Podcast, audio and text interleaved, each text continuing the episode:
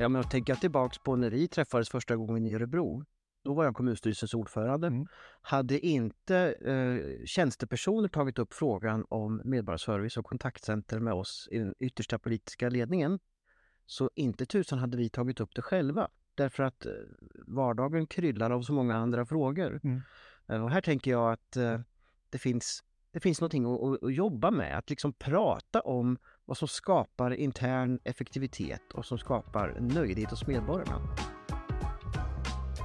Jag kan ju möta kommuner idag som också ställer sig frågan Ja, men är det, behövs det här med tanke på den digitala utvecklingen med e-tjänster? Vi jobbar med självservice på ett bättre sätt och chatta och bottar med mer. Men någonstans så upplever jag också, som blir mer och mer aktuellt för många kommuner, är att, att man behöver stärka förtroendet för den egna organisationen.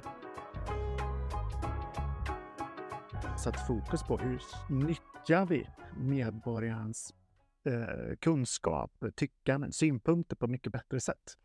Och framförallt lär oss av de här kontakterna. Låter det vara en del av vår utveckling av både service och tjänster och till viss del processer för medborgarservice.